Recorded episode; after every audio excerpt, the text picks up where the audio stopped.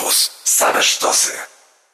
Audycja realizowana w ramach projektu Aktywny Student Warszawskiego Instytutu Bankowości we współpracy z Ministerstwem Nauki i Szkolnictwa Wyższego. Trzy grosze o ekonomii. Dzień dobry, Piotr Topuliński w studiu gość, Adam Trzywicki, Matura to bzdura. Dzień dobry, cześć. Dzień dobry, witam, cześć, cześć. Rozmawialiśmy przed chwilą, że czas wakacji to nie jest dla was czas luzu, bo pracujecie trochę jak prawdziwa firma.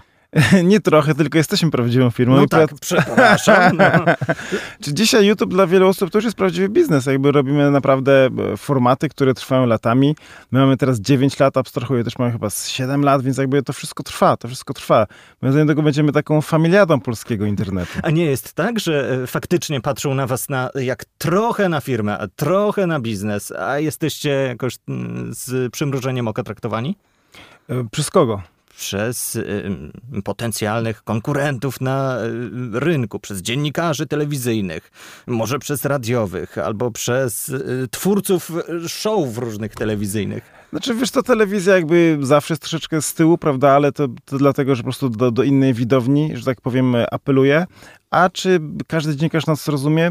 Nie wiem, no, ale mamy swój niezależny biznes i na pewno możemy się pochwalić tym, że jesteśmy bardzo niezależni i nie mamy szefów i to jest naprawdę super. A nie jest trochę tak, że podglądacie dziennikarzy, którzy próbują w YouTube'a i im tam nie wychodzi? Ja czuję, że zupełnie nie czuję jeszcze tego YouTube'owego Aha. y, rytmu i sam bym się nie czuł dobrze jako YouTuber. A niektórzy próbują i wychodzi im to jakoś mniej mm, y, y, oryginalnie ni, niż wam, ludziom z internetu. To komu twoim zdaniem wychodzi najgorzej z twoich kolegów? Mm, nie wiem, Maciejowi Orłosiowi. Sorry, może to przez... E, o- Oglądałem parę odcinków, Aha. jakby jest to pewnego rodzaju podcast, wywiad. E, moim zdaniem wychodzi to spoko i moim zdaniem tylko pytanie jakby kto jest jego widownią tutaj, prawda? Bo może właśnie osoby do 40 roku tego, że tak powiem, to nie jest jego główna widownia i tyle.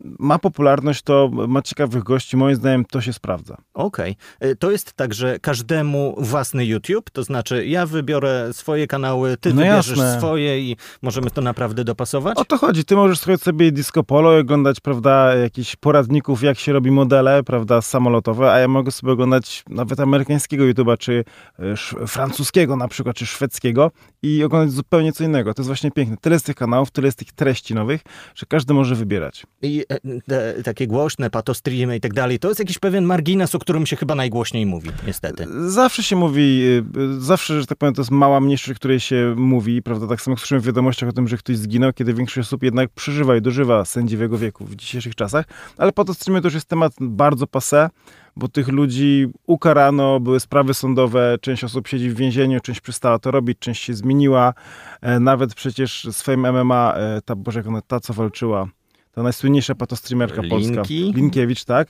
Powiedziała, że życie się zmieniła, przestała palić, przestała bić, ćpać i, i, i jakby weszła w sport i czuje się dobrze, wygląda lepiej, więc jakby część osób nawet ma takie fajne, że tak powiem, historie, kiedy, że tak powiem, odwracają swoje życie, więc to jest super. Czyli trzeba było trochę chyba przeczekać ten okres dojrzewania YouTube'a, żeby on teraz e, przynajmniej u tych polskich widzów stał się taką e, telewizją, sorry za to określenie. E, Znaczy tak, no, czy YouTube staje się telewizją z tej perspektywy, że coraz więcej mamy biznesów na YouTubie i coraz więcej osób regularnie wydaje treści e, i ma sponsorów, natomiast jakby patostreamy się pojawiły tam dwa lata temu i były po części na YouTube, po części na zupełnie innych platformach, więc to jest internet, nie tylko YouTube.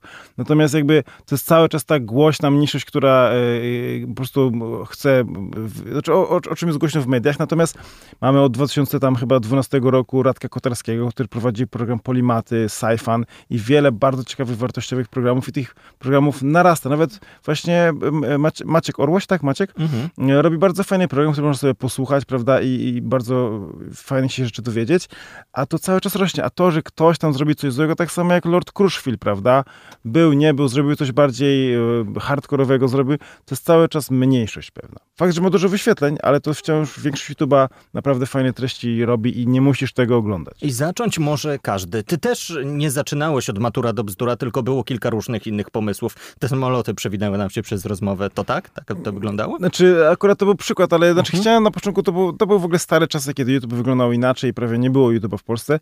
Ja chciałem zrobić to jeszcze się wtedy, chciałem to nazwać sieć wideoblogów, żeby było właśnie wiele takich niszowych, właśnie jakichś takich hobbystycznych kanałów o planszówkach, czy właśnie o sklejaniu modeli i chciałem w to zaangażować kolegów. Finalnie to się nie, nie udało, nie chcieli tego robić, e, no ale właśnie stwierdziłem, dobra, to zrobimy Matura to bzdura, jeden duży taki popularny projekt, a później może ich jakoś przyciągnę e, innych twórców. E, no, i, no została na matura to bzdura. I teraz trochę jak na YouTubie, klikamy pauzę i za chwilę do naszej rozmowy wrócimy. Adam Drzewicki z Matura to bzdura jest dziś naszym gościem. Spotkałem się z opinią, że tak jak dzisiaj na dziennikarstwie uczy się tego, jak się powinno wiem, napisać materiał prasowy, czy reportaż, czy coś do telewizji, tak powinno się uczyć nas e, formatów YouTube'owych, bo matura do bzdura to też nie jest e, odkrycie Ameryki, Nie, nie, tylko coś, absolutnie. co e, robili za granicą i to w telewizji. Tylko... W Polsce też, w radiu Aha. nawet robili to w Polsce, prawda? No i, i to, to tak się powinniśmy uczyć tego, że nie robimy krótkie formy w stylu odpytaj, albo co jest lepsze, albo to nie zawsze musi być rozmowa. Znaczy, y, nie wiem, czy warto robić szkołę z YouTube'a. Zawsze słyszę o takich projektach, to są bardzo ogólne i one zwykle nie mają sensu. Teraz Grupa Abstra robi taką właśnie chyba szkołę YouTube'a czy klasę, ale oni to robią bardzo dobrze. Wybrali osoby, z nimi będą robili, sądzę, pewne formaty, pewne kanały i to jest, sądzę, na będzie na wysokim poziomie. E, przekonamy się, mam nadzieję, już wkrótce. Natomiast jakby to, jest, to możemy równie dobrze uczyć aktorstwa, improwizacji, prawda? Natomiast jest wiele formatów. No, u mnie to jest po prostu sonda uliczna, która przepytuje wiedzę. Możemy ludzi uczyć zrobienia, bycia prowadzącym, z, zrobienia vlogów, ale czy to warto robić tak samo? Wiesz, masz bardzo zaawansowane produkcje filmowe, właśnie sketchowe, e, typu grupa filmowa Darwin, jakby to są realnie aktorzy, tam scenarzyści, mm, ludzie od make-upu, ale nie tacy, którzy ci po prostu wypudrują, tylko zrobią z ciebie diabła.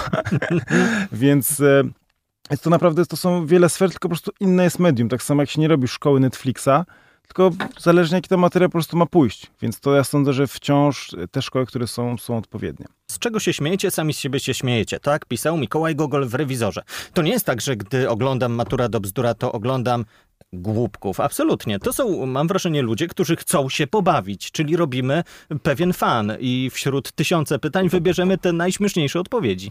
Znaczy, ja, ja nigdy nikogo, który u nas występował, nazwałem głupkiem i sądzę, że jest to pejoratywne, bo Mhm. każdy z nas ma braki wiedzy, prawda? Niech pierwszy ten rzuci obelgą, kto miał same piątki, wszystko pamięta ze szkoły, prawda? Natomiast jakby nie zadajemy tysiąca pytań, e, wiadomo, zadajemy około 20 pytań, z tego w odcinku ląduje około 8, 10, ale to też nie dlatego, że reszta pytań wszystko ludzie wiedzieli, tylko dlatego, że musi mieć określoną długość, prawda? Moglibyśmy robić odcinki równie dobrze 20-minutowe, ale by były trochę nudniejsze. A co nie- pokazały wam to jakieś badania, że najlepiej się ogląda 10-minutowy materiał? Znaczy, to jest jakiś nasz feeling. Mhm. E, sądzę, że. Znaczy, fajnie narzekają są odcinki poniżej 8 minut.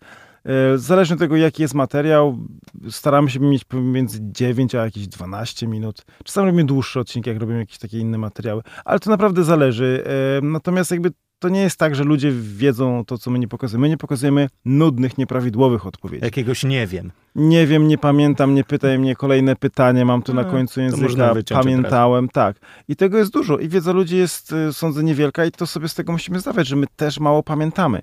My myślimy, że pamiętamy, ale no tak nie jest. A ci ludzie, wiadomo, chcą się spróbować, ale spróbować właśnie ile wiedzą. To nie jest tak, że oni się bawią i oni okłamują nas i grają, bo to naprawdę nie jest łatwe być aktorem. Jak ktoś udaje, że wie, a mówi, że nie wie, to naprawdę to od razu widać taką osobę, że tak powiem, od razu, e, że tak powiem, jest usuwana z wywiadu, prawda? Więc, no nie, mamy, mamy małą wiedzę, ale też pytanie, jak się uczyliśmy, prawda? I czy ta wiedza jest e, potrzebna. I to jest może śmieszne, jak ktoś nie wie, w którym roku się odbyła bitwa pod Grunwaldem, no ale gdy dochodzimy do tematu na przykład osoby, która ma prawo jazdy i przepytuje ją z, ze znaków i nie zna, no to to jest naprawdę bardzo, bardzo słabe. I to jest takie pole do edukacji? Czy wy się poczuwacie jako osoby, które chcą zmienić świat na lepsze, albo czujesz się ekspertem od edukacji? Tak trochę Yy, niższym tonem mówię. Yy, Tak, nie, nie czuję się ekspertem od edukacji, nie czuję się yy, osobą, która powinna to naprawiać. Tak samo jak nie, nie, też się nie czuję dziennikarzem, ale tak samo dziennikarz, który raportuje, że będzie kryzys gospodarczy, nie sądzę, że czuje się prawomocny, żeby naprawiać gospodarkę, prawda? Więc my po prostu, z jednej strony jest to rozrywka, tego absolutnie i nie jesteśmy jakimś badaniem statystycznym, a z drugiej strony dla niektórych osób może to powinna być pewna, e, pe- pewna po prostu e, takie przypomnienia, a może się powinien więcej uczyć albo za jakąś dziedzinę brać. Pamiętam kiedyś rozmawiałem z moim e, instruktorem do jazdy, który mówił, że właśnie e, niektóre osoby, które e, biorą dodatkowe lekcje jazdy, już mają prawo jazdy. I on ma coś takiego, że osoba nie potrafi skręcić dosłownie, a później kończy się godzina i ona wsiada w swój samochód i wyjeżdża na drogę. Bo prawa jazdy często uczymy się tak, żeby zdać egzamin. I chyba podobnie jest ze szkołą, że próbujemy Niestety. zdać egzamin. Tak jest, tak jest. Maturę czy egzamin. Zdaj jakoś zapomnij, prawda? Tak wszystko robimy, żeby się nauczyć, a nie żeby umieć albo pamiętać, prawda? Bo pewne rzeczy warto czasami, y, że tak powiem, powtarzać. Ja sądzę, gdybyśmy teraz zrobili, trzymając się dalej przykładu prawa jazdy, e, e, że tak powiem, egzamin z prawa jazdy wszystkim kierowcom w Polsce, to sądzę, że 70% by z nich nie, nie zdała po prostu.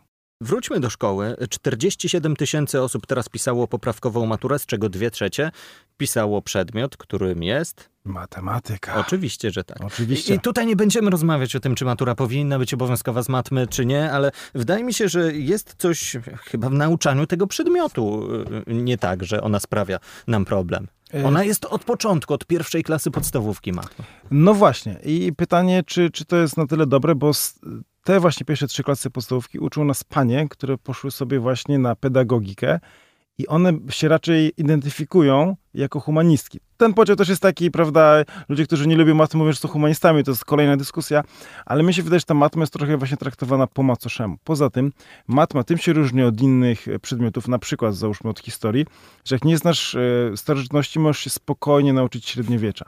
A tutaj, jak nie znasz podstaw i nie, znasz podstaw na piątki, na dosłownie 100%, e, to później dalsze części są dla ciebie totalnie nielogiczne i z roku na rok czujesz się po prostu jak na tureckim kazaniu. Czyli co, powinno się wracać do podstaw i y, trochę jak z historią powtarzać trzy razy średniowiecza, a tutaj trzy razy liczenie procenta? Znaczy, hi- historia właśnie to jest złym przykładem, bo możesz jakby się uczyć o królach w średniowieczu, a, a nie znać, No tak tak. powiem, y, Cezara, prawda? Natomiast chodzi tutaj o to, że jeśli nie znasz, y, nie wiesz, jak się mnoży, to co gdziekolwiek później będzie mnożenie w jakimkolwiek jakby układzie, ułamkach i tak dalej, wciąż tego nie zrobisz, że pewne podstawy powinny być przez ludzi opanowane na 100%. Czy to powinno być powtarzane? Pewnie tak. Jak to zrobić? Znowu, nie jestem ekspertem edukacji, ale wiem jedno, że jak nie znasz podstaw, nie pójdziesz dalej w matmie. Temat studiów, on powraca. Ja też spotykam Tak. się z kolejnymi pokoleniami studentów y, i z takim pytaniem, czy warto było. Czy warto, bo znowu to jest bardzo indywidualne pytanie. Y, Mam wrażenie, że z roku na rok jakby im młodsza generacja staje się z tymi starszymi rodzicami, które mają już y, maturzystów jako dzieci, rozumieją, że nie zawsze każdy musi iść na studia i to nie jest już siara, to nie jest wstyd nie pójść na studia albo nie skończyć studiów. Natomiast jeśli e, mówimy o na przykład prawniku czy lekarzu, no to nie chcę mieć takiego lekarza, który nie skończył studiów, a będzie mnie powiedzmy operował. A jakieś umiejętności? Miękkie, tak często mówią jacyś Mm. trenerzy. Ja jestem fanem, jeśli ktoś chce zrobić coś takiego bardzo, że tak powiem, jakieś miękkie umiejętności, nie wie, co chce zrobić w życiu, niech serio zatrudni się za darmo przez rok i pracuje dla osoby, która, albo w firmie, w której chciałby pracować i zobaczy, co to jest. I po roku zobaczy, czy mu to odpowiada, nauczy się, sądzę, umiejętności, których się y, teoretycznie na studiach nie nauczy, albo niech pójdzie na zaoczne i znowu niech przez rok po prostu sobie pracuje, zobaczy, czy to mu odpowiada, bo nie wiemy, dopóki nie spróbujemy. I, I moim zdaniem to jest też pewne piękno młodości, kiedy właśnie musimy próbować różnych rzeczy. A dzisiaj sądzę, że coraz więcej potrzebujemy takich ludzi, że tak powiem, którzy potrafią zrobić wszystko. Złotych rączek, czy ludzi, którzy mają parę umiejętności na dość wysokim, ale nie eksperckim poziomie. I takie osoby są potrzebne w firmach, przy projektach, czy różnych właśnie takich rzeczach. No i taki 19-23-latek myślę, że może próbować się. Oczywiście, może sam się uczyć w domu, przez internet, kursów graficznych, programistycznych, wielu rzeczy. Sky is the limit. Spróbujmy znaleźć e, może kanały na YouTubie co do tego, żeby się uczyć, albo e, może książki sam polecisz, albo filmy, które jakoś twój horyzont w ostatnim czasie poszerzyły. Jasne, znaczy ja bym chciał powiedzieć bardzo ogólnie, jeśli jakiś temat was interesuje, wpiszcie ten temat po prostu sobie e, w wyszukiwarkę YouTube'a i przy, przyłóżcie filtry na kanały. I pojawią się kanały, które tym się zajmują i bardzo to polecam. A propos matmy też ją polecam i mam teraz znajomych właśnie w wieku 20, tam 7, 300 paru lat, którzy teraz chodzą na kursy dziewięciomiesięczne e, po to tylko, e, żeby się nauczyć programowania i żeby zrezygnować z obecnej pracy. Więc ta matma, kurczę, to jest naprawdę też wytrych na bardzo fajne życie, gdzie można sobie pracować dosłownie z Tajlandii zdalnie i zarabiać po 8-12 tysięcy złotych miesięcznie. Adam Trzewicki, Matura to bzdura. Dziękuję za spotkanie. Również dziękuję bardzo. Polecamy podcast na Spotify. Wystarczy wpisać 3 grosze o ekonomii. Słyszymy się za tydzień o tej samej porze. Piotr Topuliński, do usłyszenia. Audycja realizowana w ramach projektu Aktywny Student Warszawskiego Instytutu Bankowości we współpracy z Ministerstwem Nauki i Szkolnictwa Wyższego.